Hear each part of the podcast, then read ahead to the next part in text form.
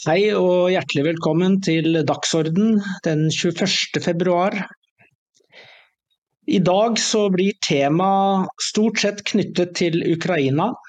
Det har vært eh, utviklinger der, og dette har påvirkninger i USA, det har påvirkning i Norge, det har påvirkninger egentlig over hele verden. Og For å snakke litt om disse tingene, så har jeg i dag eh, med meg Kristian Skaug fra Bari. Velkommen, Kristian. Takk for det.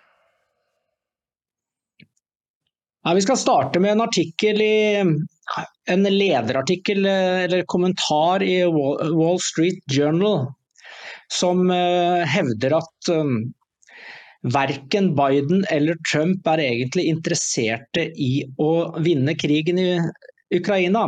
Trump har jo sagt uh, klart og tydelig fra til sine republikanske allierte at de må stemme nei for denne løsningen med den støttepakken. Særlig siden eh, Biden da nekter å bruke noen penger på å sikre sørgrensen.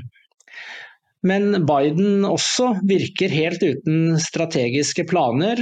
Og det er, eh, dette skaper en, eh, en følelse av at Ukraina ikke betyr noe særlig for verken republikanerne eller eh, demokratene i USA.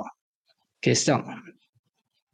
Ja, det er jo nokså uh, tydelig, uh, og ikke så overraskende heller, egentlig. Fordi i, i, de fleste konfliktene i verden som skjer på kontinenter langt fra det amerikanske, så, så er det jo bare unntaksvis at det blir noe stort innenrikspolitisk tema i, i USA. Uh, mener, der sitter man mellom to verdenshav i verdens uh, sterkeste land og har de aller fleste konflikter på nokså trygg avstand. Så den eneste grunnen til at dette blir en, en sak, eh, er jo de geopolitiske ringvirkningene. Altså man, man, frykter, noen frykter at eh, du har et nytt og aggressivt og sterkt Russland som forsøker å hevde seg, og som kanskje truer eh, andre deler av Europa også, ikke bare Ukraina. Så, men det, det er det er som du sier, og som denne lederskribenten i Wall Street Journal eh, sier, at det er, det er, vanskelig å se hva man egentlig er ute etter her. Fordi det har jo aldri vært framlagt noe sånn eh, ja, program eller ambisjoner. Hva er det vi forsøker å oppnå? Eh, hvordan skal vi få det til? Hva er liksom sluttspillet her? Og det, det husker jeg egentlig Helt fra, fra, krigens første år. Eh, altså ukrainere som jeg har snakket med her i byen, som da er eh, skal vi si, akademiske flyktninger som er blitt tatt hånd om av, eh, av universitetene her til bys. De har omgåttes dem lite grann, og jeg har av og til spurt dem liksom, hvordan, hvordan ser dere for dere at dette her kommer til å avsluttes. Og da da blir de eh, De kan være pratsomme folk, men da blir de plutselig helt tause de, og stirrer ut i luften og sier at nei, det, det er søren ikke, ikke, godt å si. Og da, da, er det jo ikke rart at det avfødes spekulasjoner om hva som egentlig, hva som egentlig pågår. Og vi husker jo fra dette eh, Putin-intervjuet som Tucker Carlson gjorde så sa Putin, og det, han hadde vel ikke noe grunn til å lyve på det punktet, at det er ingen politisk kontakt mellom Kreml og Det hvite hus. All kontakten går gjennom sikkerhetsapparatene. Altså det, er, det er sannsynligvis KGB og CIA som snakker sammen, og, så er det ikke noe politisk kontakt. Sikkerhetsapparatene er altså de som da måtte administrerer en politisk situasjon som er ja, på en eller annen måte gitt. Og da er det Altså Noen begynner jo da å spekulere i er dette egentlig avtalt spill mellom USA og Russland. Altså At begge egentlig har fordeler av krigen. Det er jo noen som har sagt det, at uh, denne krigen har én stor vinner, en liten vinner, en liten taper og en stor taper. Den store vinneren er jo da USA, som uh, kan uh, øke sitt hegemoni ved å bryte det økonomiske samarbeidet mellom Europa og Russland, som får større avsetning på sin eh, olje og gass, fordi at eh, mange ikke lenger vil kjøpe olje og gass fra Russland. Eh, den den lille vinneren er Russland, som da har klart å utvide sitt territorium, som har bevist at de ikke lar seg knekke av sanksjoner osv. Den lille taperen er Europa, eh, som eh, har ja, økonomiske nedgangstider, dyrere energi, som da frykter Russland i sin bakgård. Mens den store taperen er Ukraina, som har altså mistet massevis av mennesker, en femtedel av sitt territorium. Eh, som da må bygges opp økonomisk og sosialt når dette her en gang er, eh, er ferdig. Og da, det er klart, det, det, kan jo virke litt sånn uh, konspiratorisk, da. Og de norske intellektuelle som mener dette her privat, de trenger jo ikke å navngis. men Altså at, at, eh, USA da liksom på Vestens vegne uh, tar over den uh, vestlige delen av Ukraina, mens russerne da tar over den, den sørøstlige. Og så, da får du da på en måte en slags sikkerhetspolitisk balanse. Da. Så det, man, man, tar seg i å lure på om dette her er er det både, både Biden-administrasjonen og, og Putin-regimet ønsker. Eh, eh, altså, man ser seg jo forgjeves rundt etter forklaringer. fordi i alle andre kriger så er det jo politisk kontakt. Du ser Tony Blinken drar til Midtøsten og snakker med folk, og, men her er det, det er ingenting. Så det, det, er påfallende. Hvorfor er det ingen som konfronterer det med det? Kanskje, kanskje Dnepro skal bli den nye muren, da. Berlinmuren. Da, da, kan du jo si at det er en stor seier for eh, vestmaktene som har flytta Berlinmuren helt til Dnepro. Den store elva som renner eh, gjennom eh, Ukraina, og som er på en måte delinga mellom øst og vest-Ukraina. Vi får se, men det som det som er Poenget til republikanerne er jo det at eh, med, med sørgrensen at Biden ikke ser eh, noe De ser ikke noen vilje fra Biden-regimet til å gjøre noe på sørgrensen for å beskytte den amerikanske grensen. Og de er så lite villige til det at de er faktisk eh, helt villige til å ofre Ukraina. Og Dette her er jo veldig spesielt, fordi hvis jeg husker riktig, det kan ta litt feil på tallene, for jeg har ikke sjekka det, men det er rundt 60 milliarder eh, dollar som er eh, satt av til eh, å støtte Ukraina videre i krigen. Og så var det vel snakk om en sånn 8 milliarder dollar som republikanerne krevde med å beskytte grensen i sør. Så det er jo mye penger, men sammenligna med hva som pøses ut Og så I tillegg var det støtte til Israel og Taiwan, da, bare sånn det er sagt. Så ikke de er glemt her. Men altså, det er jo en eh, sju og halvtedel eh, ganger så lite støtte. Det er det som er kravet, og det nekter jo Biden-regimet å gå med på. Så da, da, er det jo ganske lett å tenke at det ikke betyr så veldig Det betyr mer for Biden å få 300 000 migranter eh, flommende innover grensa i sør enn det betyr å beskytte Ukraina. Jeg vet ikke hva du ja, tenker, Kristian? Det, det, er åpenbart. Altså, grensespørsmålet er viktigere for, både, for, for, for begge sider da, i USA. Både for Biden og for den republikanske opposisjonen. Biden vil ha åpne grenser, republikanerne vil ha stengte grenser. Og da, eh, Hva som da måtte skje med Ukraina, det blir da liksom en, en pølse i slaktetiden. Det er helt sekundært for, uh, for begge. Det er klart, eh, de republikanerne som da stemmer mot å gi Ukraina penger, det er jo neppe fordi de har noe veldig store forhåpninger om at, at Putin skal, eh, skal, rykke enda lenger frem i Ukraina, men de kan jo da også tenke at eh, Kanskje det var på tide om europeerne tok litt mer ansvar for denne krigen, som tross alt skjer i deres nærområde. Det, det er klart med tanke på at det sannsynligvis er det, det amerikanske sikkerhetsapparatet som, som, trekker i trådene her, så er det kanskje litt, litt korttenkt. Men de har jo et poeng. Altså, Frankrike og Storbritannia kunne jo også sendt mye mer våpen hvis de ville.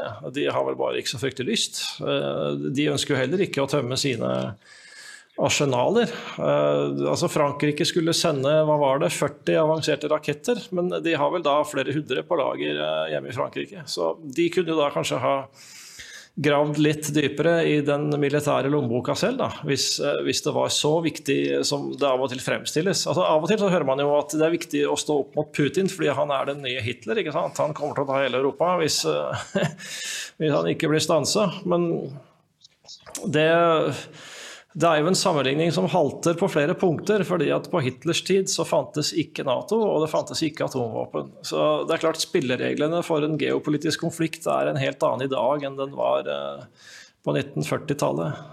Så eh, det er man si, det, er, det, er, sekundært. Det er helt tydelig, I hvert fall for republikanere. Altså for Biden så kan dette være litt annerledes. fordi det er ting vi ikke vet her. Altså Hvilke svin på skogen er det han selv har i Ukraina? Hvilke svinn på skogen er det økonomiske interesser har i Ukraina? Så jeg tror det er, eh, tror det er deler av denne historien som rett og slett er ufortalt.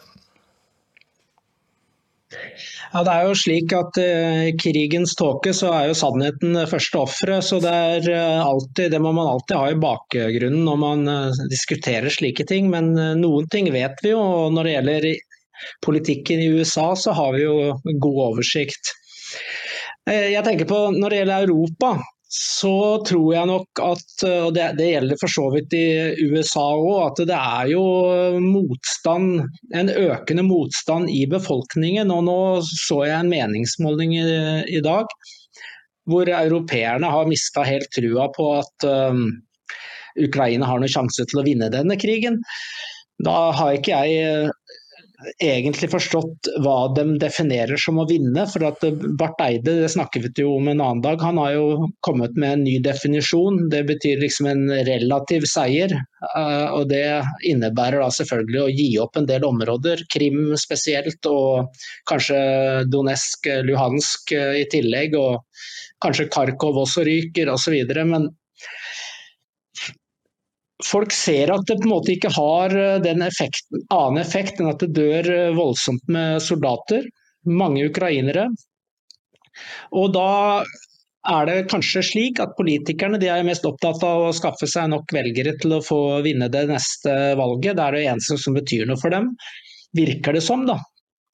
Så tror du det har noe med eh, utviklingen å gjøre, Kristian?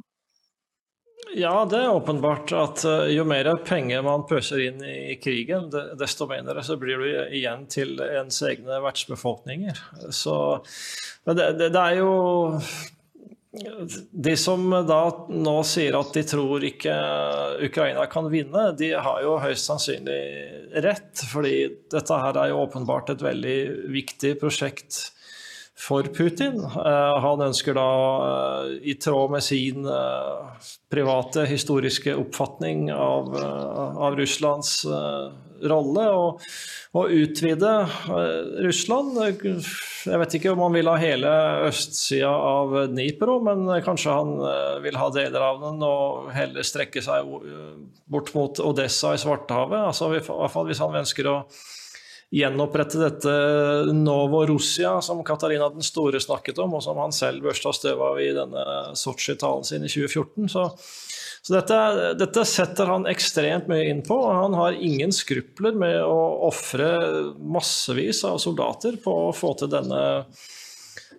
skal vi si, lille ter territorielle utvidelsen, som da for han er ja, følelsesmessig, historisk viktig på en eller annen måte. Og det er klart, da, da beveger jo han seg i grenselandet litt mellom det rasjonelle og det irrasjonelle. Altså hvis, mm, hvis man da forsøker liksom å, å, å, å, drive russerne helt tilbake, sånn at hele dette drømmeprosjektet til, til, Putin da går i knas, så tenker man ok, da blir han kanskje irrasjonell. Da begynner han kanskje å rasle med atomvåpnene.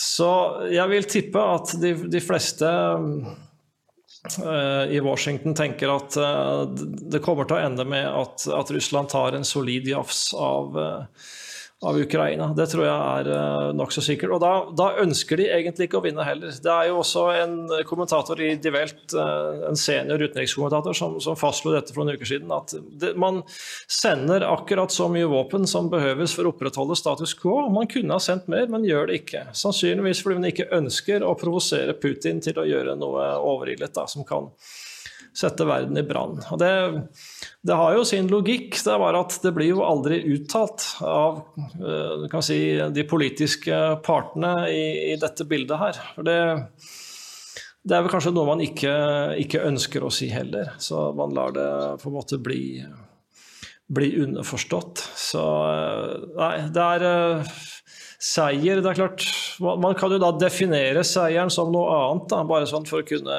forsøke å sminke purka når eh, den en dag skal uh, fortæres. Ja, jo, det, det, virker jo også som man forsøker liksom å ignorere realitetene, hva som faktisk foregår. og eh, Du har jo skrevet i dag om uh, Aidivika og det, det, som har skjedd der. og Det er jo helt grufullt å lese, egentlig. Hvordan uh, ukrainerne etterlot sårede soldater og bare rømte i full panikk. Og så sier de at de egentlig bare restrukturerer seg, eller regrupperer, eller hva, hva nå de sier. Men ja, du har jo skrevet saken, Kristian, så du kan jo fortelle litt om det som har foregått i denne byen.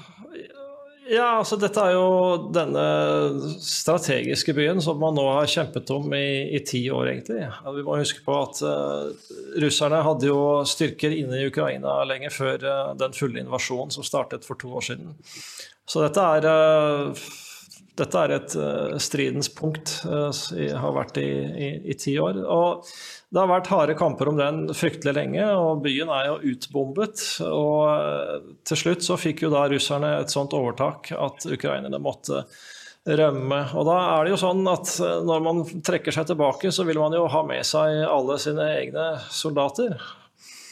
Uh, uansett om de er sårede eller om de kan bevege seg for egen maskin. Og sånn, sånn må det jo være. fordi hvis du skal Eh, rekruttere tropper til fronten ved en senere anledning, så kan ikke de tenke at ja, ok, da blir jeg kanskje latt i stikken der, da, hvis det går gærent. Så det å, det å ta seg av de, de, sårede og få dem med hjem, det er jo helt essensielt. Så, så hvorfor skjedde ikke det? Og hvis vi da skal tro tro denne CNN-reportasjen. Jeg ser ikke noen grunn til å tvile på den, for den er jo kildebelagt både med russiske og ukrainske vitnesbyrd som på en måte flyter sammen i en helhetlig fortelling. Så den virker plausibel. Vanskelig å se noe propagandavinkel fra noen av sidene her, egentlig.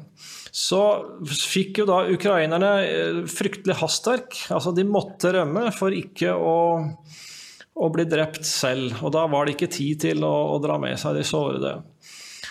Men det virker litt underlig, fordi uh, hvis en part kapitulerer, så vil jo da den vinnende part normalt uh, være såpass uh, opptre såpass i eh, tråd med, med krigens eh, sedvaner da, at man lar den tapende parten få sine sårede med seg. Og Da er det jo noen vitnesbyrd eh, som CNN har fått, som tyder på at kanskje russerne lurte noen av ukrainerne i en felle. Da. At de kom for å at de egentlig hadde avtalt å skulle ta med seg sårede, og så ble de lurt og tatt av dage. Og da, at man da måtte rømme. Så her er det jo mange biter som eh, ikke faller på plass i, eh, i, i bildet. Men dette, dette, illustrerer vel at eh, det skjer forbrytelser i enhver krig. Og hvis dette da skyldes en russisk krigsforbrytelse, så, så vil det øke bitterheten kraftig i Ukraina, selvfølgelig. At de var nødt til å la sine egne i stikken. Så det er det er en forferdelig historie. Altså, det, er, det, er, jo hjerteskjærende å, å, å, lese om disse mm, dialogene som da har funnet sted mellom sårede soldater eh, som er overlatt til seg selv i, i russernes vold, som da har klart å, å ringe eller uh, på en måte få kontakt med familiene og forteller liksom, uh, ja, her ligger jeg og kan ikke gjøre noen ting, og snart kommer russerne. Og noen timer senere så er det ikke til å få tak i. Så det er uh, det er, det er, ting som vi ser veldig lite av i mediene ellers, syns jeg. Altså, mens vi får smurt utover hver eneste palestinske blodsdråpe, så, så, det blodet som spilles i Ukraina på, på hjerteskjærende måte, det, det, får vi ikke høre om. Det, det, det er egentlig et journalistisk havari, vil jeg si. Han ene soldaten som jeg merka meg mest, da, det var eh, en som lå der. Han hadde skade i ryggen og to brukne ben, så han kunne jo ikke bevege seg. Og Han snakker med søstera si, og gråtende samtale og alt mulig. Og så ser søstera bilde av sin egen bror uh, bare noen timer senere på en russisk uh, bloggers side, hvor han er død. Så er, krig er virkelig brutalt. Og, og, dette her syns jeg, akkurat som du sier, jeg syns den brutaliteten som foregår i Ukraina er nedprioritert, liksom. Det er ikke noe vi skal vite om. Vi skal bare hylle Zelinskyj. Og det gidder jeg liksom ikke å være med på, egentlig. Jeg, jeg støtter de ukrainske soldatene. Det er, det er klart at når, når, volden eh, stilles ut til skue, sånn som det da gjøres i Midtøsten, så kommer det da også kravene om våpenhvile, fredsforhandlinger. ikke sant? I Ukraina så er det da plutselig et helt annet kretskort i hjernen. Eh, da ser man ikke ofrene, og man, man, etterlyser ikke fredsforhandlinger. Det, så Hvorfor blir ikke det problematisert? Hvorfor skal, hvorfor skal, den ene krigen for Guds skyld stoppes, og den andre for Guds skyld fortsette? Det er, eh, det er svært inkonsekvent, og det er ikke noe, det er ikke noe bra tegn for et skal vi si, eh, fritt og oppegående og intellektuelt eh, redelig samfunn, og ikke, ikke prøve å ta stilling til sånne grusomme paradokser. Dette her har vi jo, nå har vi jo hatt en morsom, morsom og morsom, men altså interessant debatt i Drammen, som også er knyttet til Ukraina. Fordi Drammen, eh, der har jo kommunestyret vedtatt at eh, de eh, vil prioritere ukrainske flyktninger. Og dette har jo skapt dramaskrik, selvfølgelig. Og de anklages for rasisme, og alt mulig. Og i går så hadde NRK Debatten dette her opp som tema, og da hadde de tittelen 'Nei til mørkhudede'. For det første så er det litt dumt, for det finnes jo folk med mørk hud som rømmer fra Ukraina også, selv om det selvsagt ikke er et flertall. Og for det andre så er jo Ukraina et nærområde, sånn sier de da, men det er jo mange tusen kilometer dit òg, så så veldig nært er det ikke. Men det er jo en krig som um, man sier er, pågår i Europa, så da er det naturlig at Europa bidrar. Det er jo ikke naturlig f.eks. i Afrika at de bidrar eh, hvis et naboland er i krig. Da skal de jo til Nord-Europa alle sammen. Og denne debatten det var et uh, skue Jeg kan ta det litt sånn punkt for punkt, da. Uh, og bare si noen av utsagnene som kom underveis. Simen Noranger, han er fra Senterpartiet. Han sa at det ikke var noe faglig grunnlag for vurderingen, og hvis dette blir lovlig så endrer man hele innvandringsprosessen.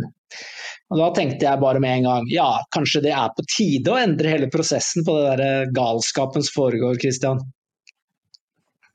Ja, det hadde ikke vært et øyeblikk for tidlig. Altså Denne debatten var jo da et slags uh, Drammen kommunestyre i miniatyr. For du hadde da tre representanter for de som stemte for forslaget, og tre som stemte mot, uh, om, uh, om, kun å ta imot ukrainere.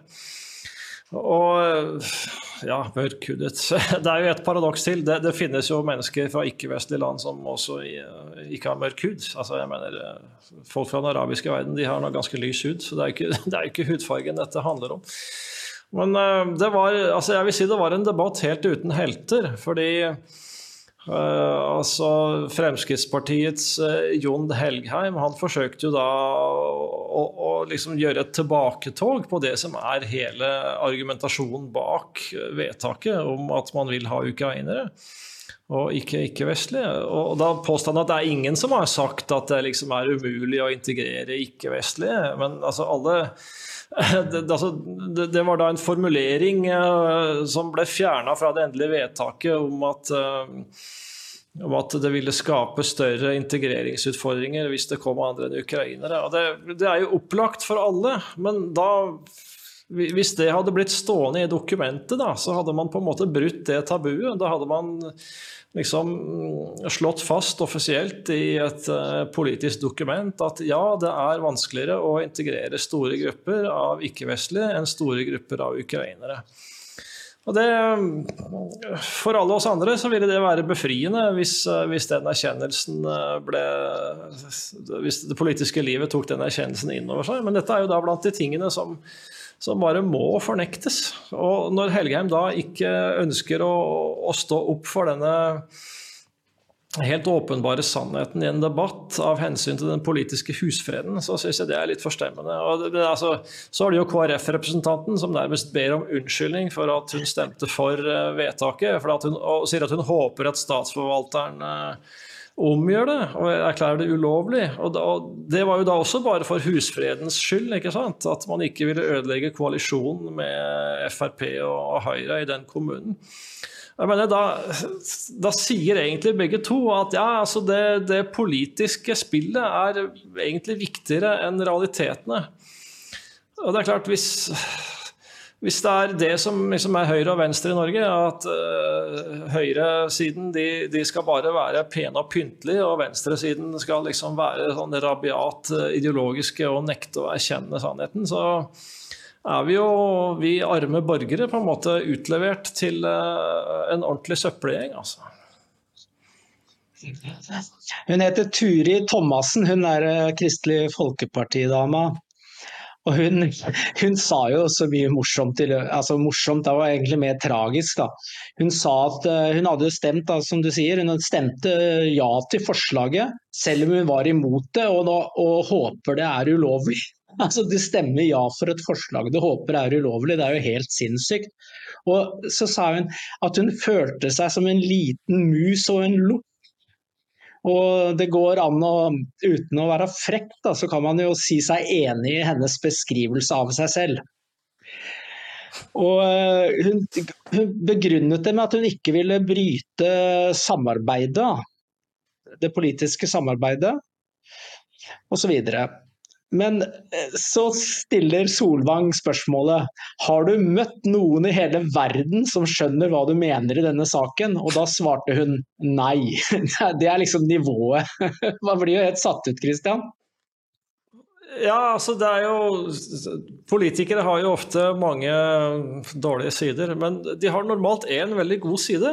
Eh, det er at de ofte er, eller nesten alltid er flinke til å snakke med folk og er sympatiske. Og de har på en måte ja, de kan ha et sånn vinnende vesen da, som gjør at de får folk med seg på ting. Det er, det er det politikk handler om. Få folk med seg på ting. Og da, da må du ha liksom litt av den derre ja, karismaen, da. Uh, altså selv Erna Solberg har jo, Solberg har jo karisma. Uh, uansett hvor usympatisk hun er i våre øyne, så, så, så, klarer jo hun da å, å opptre på en måte som, som gjør at hun får uh, folk med seg.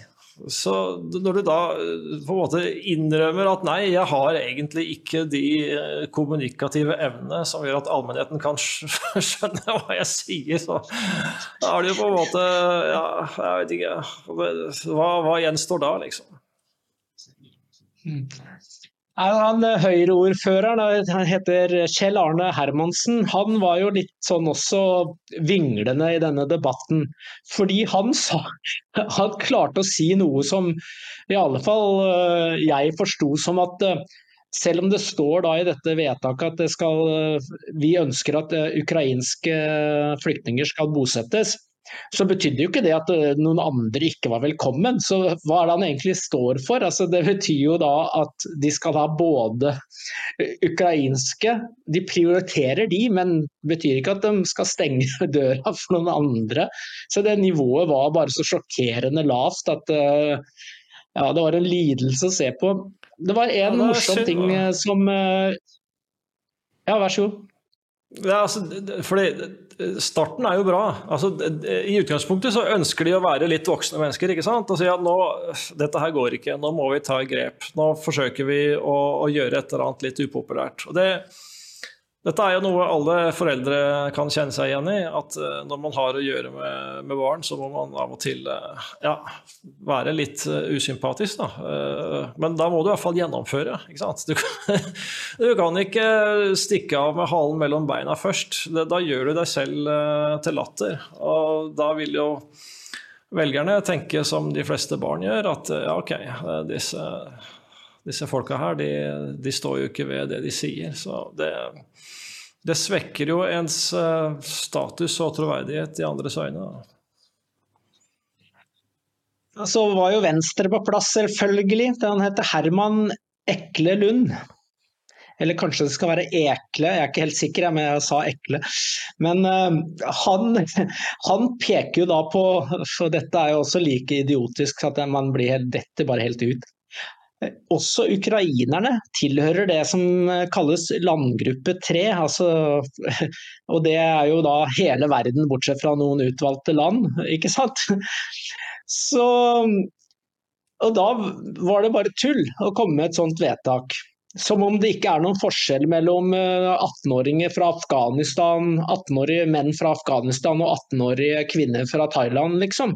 At det er like stor risiko, eller at det er eh, ingen forskjell mellom ukrainere og folk fra Sør-Afrika. Det, det, blir bare så dumt at jeg syns Solvang var spesielt svak i denne sendingen, for han tok, liksom, han tok veldig hardt tak i uh, unøyaktighetene til uh, KrF og Høyre. Der, der, var han for så vidt dyktig, men de der på den andre sida av bordet, de fikk egentlig bare si bullshit etter bullshit uten at Solvang reagerte. og det, det, er jo litt skuffende, for Solvang er jo en av Norges beste journalister, så han burde gjøre en bedre jobb enn dette her. og Jeg ser at mange skriver på sosiale medier at han, han trenger en ferie. Ja, kanskje han ikke visste hva landgruppe 3 var. Altså, dette er jo en definisjon hos eh, Statistisk sentralbyrå. Altså, det er da de ikke-vestlige landene pluss eh, europeiske land utenfor EU-EØS-området. Eh, e ja, det er klart, det er jo det er jo bare en sånn statistisk uh, sekkepost. Altså andre, røkla, resten. Det, det, og det er jo Det da å, å, forsøke å fremstille det som om det er noen slags ekvivalens mellom uh, medlemmene av resten-gruppen, det er nokså nokså hjelpeløst. Men altså, det er jo sånne formalistiske argumenter som man liksom tyr til når man ikke har noe mer fornuftig å komme med. Altså, de, de kan jo ikke de, de, kan jo ikke vri seg bort fra det faktum at eh, folk som kommer fra et uh, europeisk land som i overveiende grad er, uh, er kristne, at de er lettere å, å integrere enn enn de som kommer fra eh, Asia Afrika og veldig ofte har islam som religion. Altså, det er, eh, men det er jo da blant de tingene som, som er forbudt å si. Altså, vel, eh, man snakker om hatprat. Dette er jo da et hatfaktum. at hvis du, hvis du sier dette faktum, så er det en hatefull person som sannsynligvis burde piskes eller et eller annet. Jeg vet ikke. Har du muligheten, Lars, til å spille en liten reklamepause? Hei! Vi i Dokument er glade for at du Leser oss hver dag. Lytter til Dokumentradio. Og ser på Dokk TV. Redaksjonen produserer døgnet rundt. Og trenger både abonnement og donasjoner. Dokument er unikt i Norge. Vi er det eneste virkelig konservative mediehuset. Støtt oss på VIPS nummer 638941. Det Kent sa. VIPS nummer 638941. 638941. Eller bli abonnent.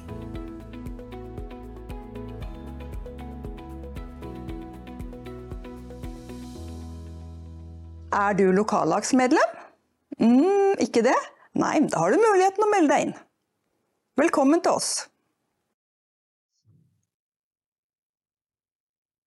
Ja, uh, I denne debatten så deltok jo noen andre folk òg.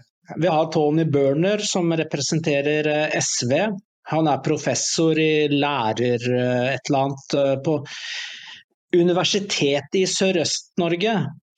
Det er sånn, nok et sånn universitet hvor alt er spredt overalt. Det er fra Rauland til eh, Ringerike, liksom. Noen eh, små høyskoler som er samla sammen.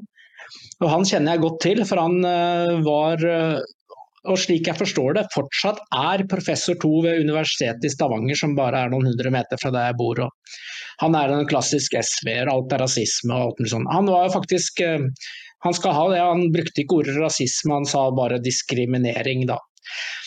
Men han eh, påpekte det at han skjønte ikke problemet, for Drammen har jo fått eh, pris i en integreringspris ved at de er så gode på integrering. Og Kristian, seriøst, når alle de, hvor mange saker jeg har skrevet om eh, ungdomsvolden i Drammen og alt det som foregår der. Barn som ikke tør å gå på byen uten å vippse foreldra sine alle penger på kontoen for de regner med å bli rana osv. Hvis dette er god integrering, så lurer jeg bare på hva i all verden er integrering, egentlig? Ja, det er det vel ingen som har klart å, å definere enda, hva det er. Eh, det er litt sånn et sånn mystisk begrep. Det er tydeligvis veldig viktig, men ingen vet hva det er. Det er litt sånn som energi i fysikken. Altså, ingen kan egentlig definere det, men altså, man kan beregne det. Men uh, energi er selvfølgelig mye mer presist enn integrering. Så, men det finnes jo indikasjoner på integrering da, som de fleste er enige om. At man, har, eh, at, man arbeider, at man kan språket, at man tar utdannelse, og at man er engasjert i samfunnet og sånn. Og da, så bruker man da statistiske metoder til å påvise at ja, i disse og disse områdene så har folk mindre utdannelse, de stemmer sjeldnere ved valg, de kan dårligere norsk. Og så sier man at ja, da er dette her et område hvor man har vanskeligheter med integrering. Så, men øh, behovet for å fremstille en uh, misere som en suksess, det er jo noe som oppstår ganske ofte i, uh, i politikken og i forvaltningen. Fordi hvis du hvis du vanstyrer og har dårlige resultater, så ønsker du jo for all del ikke å stå til ansvar for det. Så da må du jo lage en eller annen form for teaterforestilling, da, hvor du forsøker å overbevise omgivelsene om at nei, dette her er egentlig kjempegreier. Så integreringspris er jo rett og slett bare genialt. Altså ta en integreringskatastrofe og gi den en pris, så er liksom alt i orden. Altså du vedtar en annen virkelighet enn den som da folk eh, kjenner på kroppen hvis de holder til i et område som er blitt et eh, ja, utenforskapsområde. Og det, det, er jo typisk at det er en professor som gjør dette her. fordi det er jo ikke de som kjenner hvor skoen trykker, som kanskje bor da i ja, i, på Fjell eller i Groruddalen eller uh, Fyllingsdalen, eller, altså de, de, stedene i Norge hvor, hvor det er integreringsproblemer. Det, det er jo ikke det er de som har dette her abstrakt på avstand, de kan jo da bruke sånne tulleargumenter som at de har vunnet en integreringspris. Det er jo knekkende likegyldig for de som er redde for å gå ut, for bare forventer å bli rana, nærmest. Det, det er en trist konsekvens av noe du var inne på, altså denne inflasjonen i universiteter.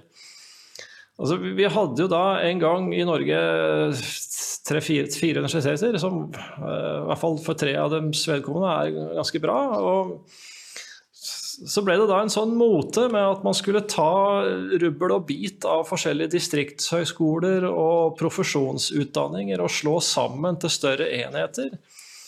Så er det flere av disse enhetene som da formelt er blitt universiteter. Men det er da har du på en måte visket ut et skille som egentlig var ganske nyttig. Altså man, man gikk på et av universitetene for liksom å ja, studere mer teoretisk. Eh, altså det, er viktigere med erkjennelse, dybdekunnskap, refleksjon. Mens disse profesjonsutdanningene var jo mer da kortere og mer praktisk rettede for at folk skulle lære seg et yrke.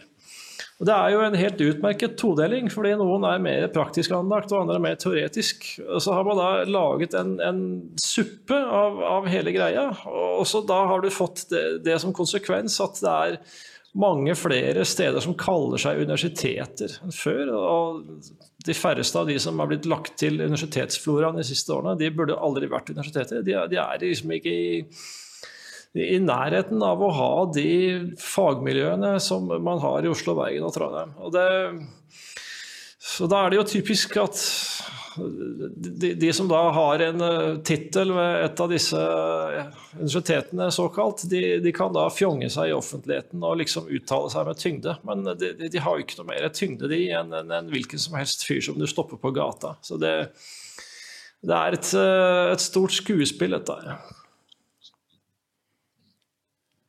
Ja, Både du og jeg har jo studert på det som nå kalles NTNU, men jeg var jo student der når de skifta navn på eh, den eh, ingeniørhøgskolen NTH, eh, og plutselig så het alt NTNU. Og jeg vet, jeg har sjekka det iallfall tidligere, jeg husker ikke nøyaktig plassering eller, eller sånt, men altså den har stupt nedover på listen over de beste universitetene i verden. Og Det er konsekvensen. og Jeg tror det kommer til å gå så langt at snart så har du mastergrad i å jobbe i butikk. Altså det, det er omtrent dit den beveger seg. Og Det er veldig veldig sykt, fordi jeg har veldig stor respekt for eh, folk som gjør helt vanlige jobber. Og det syns jeg vi alle skal ha. Alle kan ikke løpe rundt og tenke tenke på et eller annet eh, som ingen andre bryr seg om. Noen må gjøre jobben òg. Noen må fikse at det er lys i taket, noen må fikse at eh, huset faktisk står og at det er eh, avløp som fungerer og at vi får kjøpt noe når vi går i butikken. Nå blir jo det automatisert i stor grad, da, men allikevel. Jeg vil avslutte med å nevne Jan Tore Sanner fra Høyre, for han kom innpå på slutten i denne sendingen. Og han var jo preget av smerte smerte. Det gjør vondt, sa han. Og han syns at debatten rundt innvandring er blitt så politisert og lite konstruktiv. Og så tenker jeg bare ja, det stemmer det, men hvem er det som har skyld i det? Kristian, eh, vi har vel ganske like meninger når det gjelder dette, vil jeg tro? Altså Innvandringsdebatten har jo alltid vært uh, politisert, polarisert, uh, stygg. Det har det jo vært i uh, ja, hvor mange år er det nå? 40? Kanskje enda flere? Så at dette skulle ha blitt så mye verre nå den senere tiden, det, det kan jeg ikke skjønne.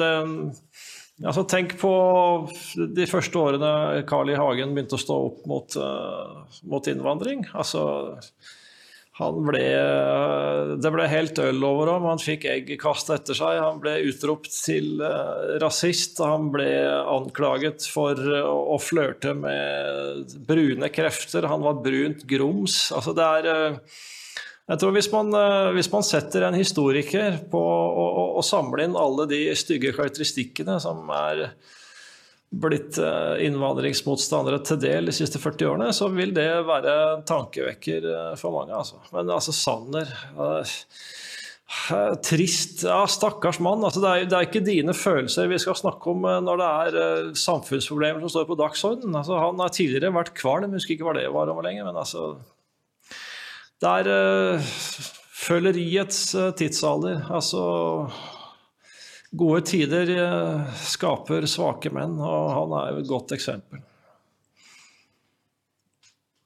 Resten må være det at uh, Sanner han erklærte jo da den, at den norske modellen hadde jo vært så vellykket. Så ja, det er, er jo en diskusjon for en annen dag. Vi eh, skal avslutte, og eh, da vil jeg som vanlig takke alle som har sett på, takke teknikerne, og så vil jeg takke Christian hvis ikke han har noen siste ord, da. Men ellers vil jeg si takk for eh, dagens, at han stilte opp på dagens sending.